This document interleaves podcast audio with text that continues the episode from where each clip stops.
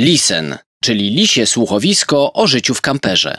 Cześć, tu Zosia. I Kuba. Jesteśmy w Foxes in Eden, inaczej Lisy w Edenie. To jest audycja Lisen, czyli lisie słuchowisko o życiu w kamperze. Zapraszamy na odcinek 54 pod tytułem Podróżować czy nie podróżować? Oto jest pytanie. Jak już wiecie, my podróżujemy od dwóch lat kamperem. I jeszcze przed kamperem było tych podróży kilka wspólnych naszych podróży, o których Wam też pewnie poopowiadaliśmy trochę, albo poopowiadamy jeszcze kiedyś w przyszłości. Naszą przygodę zaczęliśmy podróżując po Stanach Zjednoczonych. To były takie krótsze wypady w porównaniu z tym, co się teraz dzieje, bo byliśmy najdłużej trzy tygodnie na takim road tripie. No tak, ale nie na tylko naszej historii się świat opiera i nie tylko naszą historią się możecie inspirować. My chcieliśmy się zainspirować też trochę Wami i zadaliśmy Wam na Instagramie pytanie, a właściwie nawet trzy pytania o to, czy podróżujecie, dlaczego podróżujecie, z jakich powodów, albo właściwie dlaczego nie podróżujecie, bo też przecież osoby takie się znajdą. Niektórzy na przykład chcą podróżować, ale nie mogą z różnych powodów, a niektórzy na przykład może nie mają takiej potrzeby i byliśmy ciekawi, jakie to są powody, bo nam się wydaje, że warto zawsze podróżować. Nam się tak wydaje, ale zaraz przytoczymy Wam Wasze odpowiedzi. Ale jeszcze zadaliśmy Wam trzecie pytanie, bo powiedziałam, że trzy pytania się pojawiły. Trzecim pytaniem jest prośba tak naprawdę o rady, porady, tipy, jak podróżować taniej, bardziej ekonomicznie, bo jednak głównym chyba powodem przytaczanym przez Was, dlaczego nie podróżujecie za dużo, no to są właśnie te względy finansowe. Od czego zaczynamy? Czy zaczynamy od tych pozytywów, czy od negatywów? Czyli powody, dla których y, wymyślacie powody, żeby nie jechać nigdzie i zostać w domu. Ja myślę, że skoro mówiliśmy o Ameryce, to bym zaczął tak po amerykańsku, czyli zacznijmy od pozytywów, ukryjmy w środku te negatywy i na końcu też jakieś pozytywy, czyli taką klamrę zrobimy, żeby ogólnie było wrażenie, że jest bardzo przyjemnie. Mówię, że to jest po amerykańsku, bo Amerykanie jak wyrażają jakąś opinię, tak oficjalnie, to przyjęło się, że w dobrym tonie jest na początku powiedzieć coś dobrego, żeby od razu tego słuchacza, tego odbiorcy jakoś tak nie krytykować i zakończyć czymś pozytywnym, żeby wszyscy mieli wrażenie właśnie, że nie było to krytykowanie, tylko wyrażenie opinii właśnie. A, no dobrze, czyli nie będziecie pamiętali o tym środku właściwie. Albo będziecie go wspominali lepiej niż byśmy zaczęli od środka i by było smutno od razu. No dobra, czyli zaczynamy od tego, po co właściwie podróżujecie albo co z takich podróży dla siebie wyciągacie. Odpowiedzi było całkiem dużo. Więc będziemy starali się wybrać takie najbardziej popularne kierunki. Ewentualnie wybierzemy też takie odpowiedzi oryginalne, które nas zaskoczyły na przykład. Ale na początku zaczniemy od tych najbardziej, najczęściej pojawiających się powodów, dla których podróżujecie. To jest przede wszystkim poznawanie nowych rzeczy, nowych miejsc i poczucie wolności. Tak, to prawda. No nowych rzeczy, miejsc, e, doświadczanie nowego i poznawanie nowych ludzi, bo na to też zwracacie uwagę.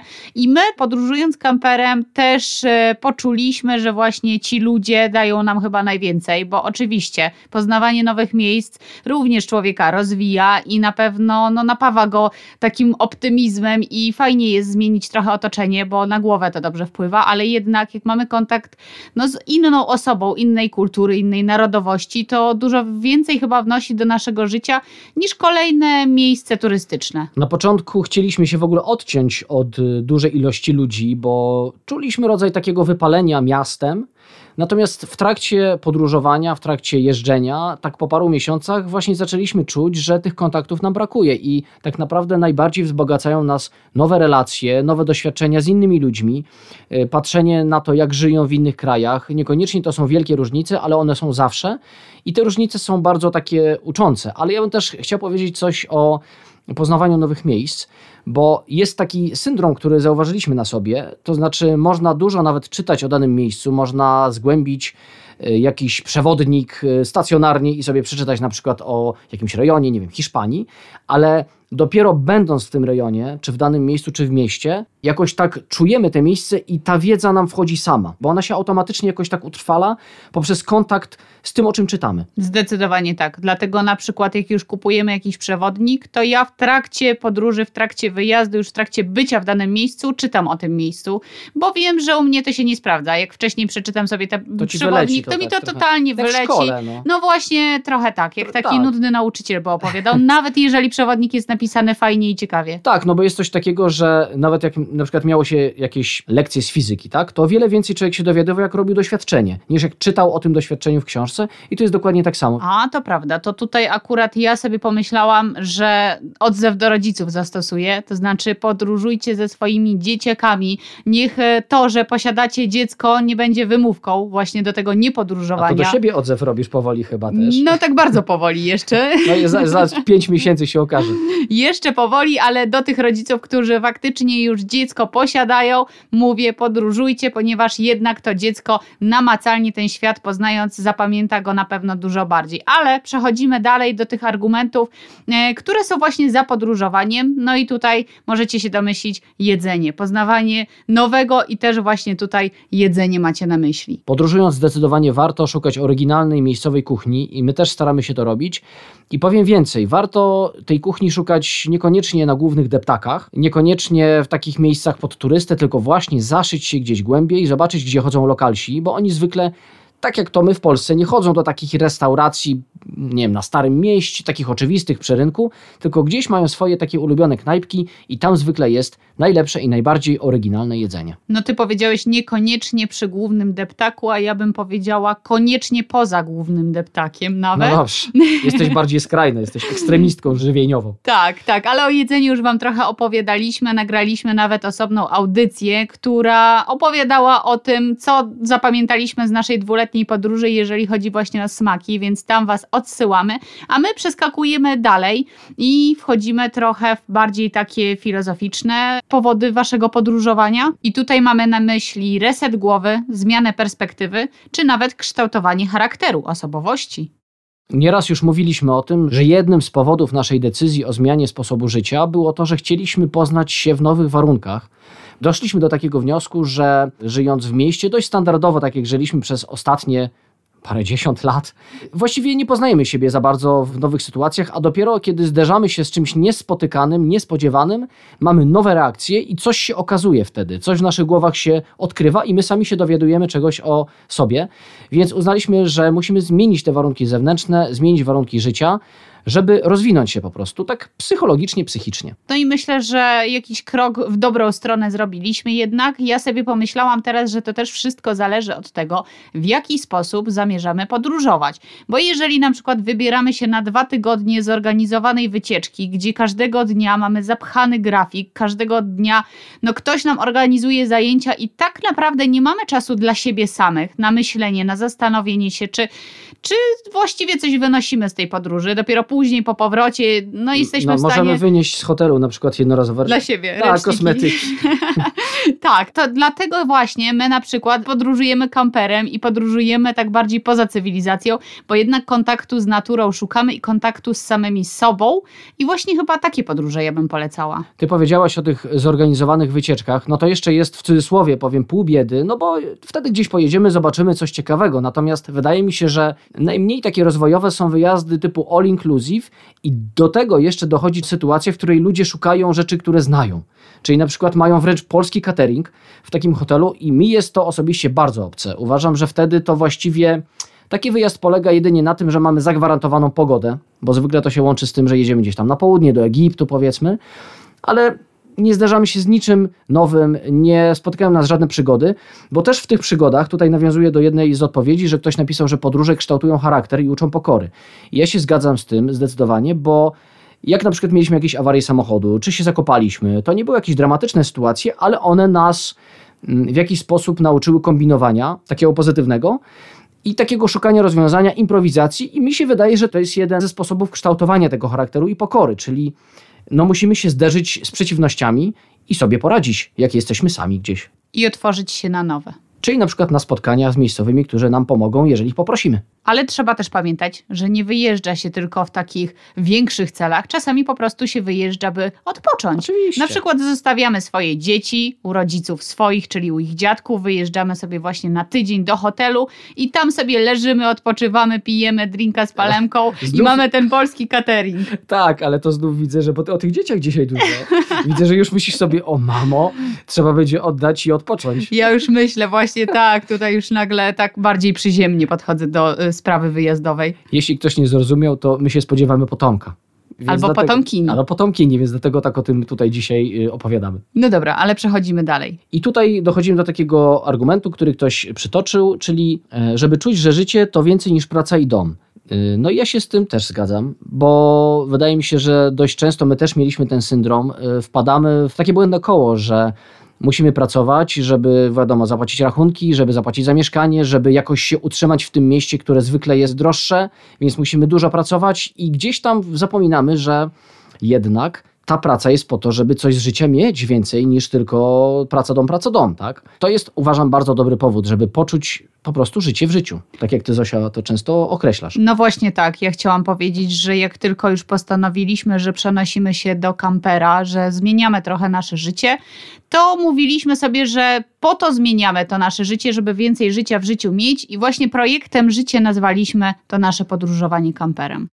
Zadaliśmy Wam też pytanie o to, dlaczego właściwie nie podróżujecie, jakie są tego powody albo jakie mogą być tego powody. I bardzo często pojawia się tutaj brak odwagi z Waszej strony. Tak przytaczacie właśnie taki argument. I tutaj e, jest brak odwagi a propos wyjazdu do obcego kraju, a propos kontaktu z obcymi ludźmi innych kultur, innego języka.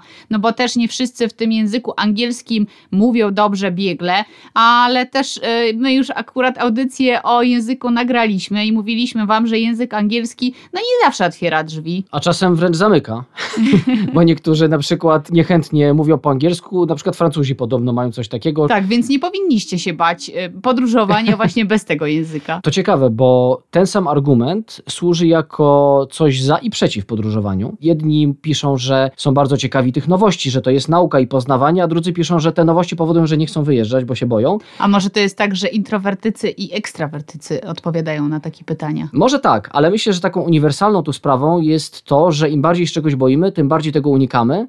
A im bardziej tego unikamy, tym bardziej to urasta do rangi problemu, tym bardziej się tego boimy. Więc wydaje mi się, i to jest tak, tak życiowo, to nie tylko kwestia podróży, ale tak jest w ogóle w życiu, że czasami warto jest zrobić malutki krok, jakiś niewielki, może jakaś krótka podróż, może jakaś taka bardziej komfortowa, nie rzucenie się na głęboką wodę i po prostu miesiąc w trasie samochodem y, w nieznanych rejonach. Bo jak zrobimy mały krok, to się okaże, że może zrobimy kolejny krok, i takimi krokami możemy dojść do tego, że to, co było dla nas przerażające, za chwilę okaże się pasjonujące. Ja myślę, że to wcale nie jest rzadko. Że to, czego się boimy, chyba najbardziej w nas budzi jakieś emocje, i być może one się mogą przerodzić w wielką pasję. Przede wszystkim trzeba, można by dać sobie szansę właśnie na poznanie się w czymś nowym i na zobaczenie, czy to coś nowe jest dla nas, czy nie jest dla nas. Nie ma co ukrywać ani omijać tematu. Jednym z takich głównych też powodów, dla których nie podróżujecie teraz w obecnych czasach jest pandemia i COVID i to, że trzeba robić testy na granicach, to, że czasami no, do danego kraju akurat wjechać nie można albo są takie dość duże restrykcje, czy kwarantanna właśnie, którą trzeba odbyć.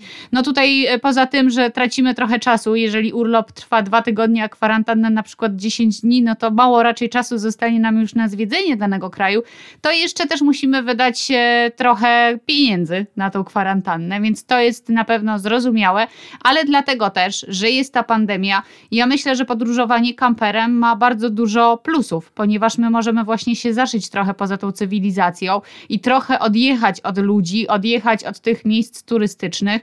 No i już nie jesteśmy narażeni aż tak bardzo na zachorowanie albo to, czego się boimy. Jeżeli ktoś właśnie boi się tematu choroby w ogóle, a nie odstraszają go te takie rzeczy techniczne, o których powiedziałaś. Co do tych rzeczy technicznych, to trudno ich uniknąć. Taką główną radą, jaką byśmy mieli, to byłoby chyba to, żeby patrzeć po prostu w jakie rejony jest jechać prościej. Bo myśmy tak w którymś momencie zrobili, kiedy mieliśmy wyprawę po Bałkanach i pojechaliśmy na Bałkany właśnie dlatego, że czytaliśmy, że tam po prostu te restrykcje są mniejsze. W Albanii to w ogóle było luźno, jak na tamten moment.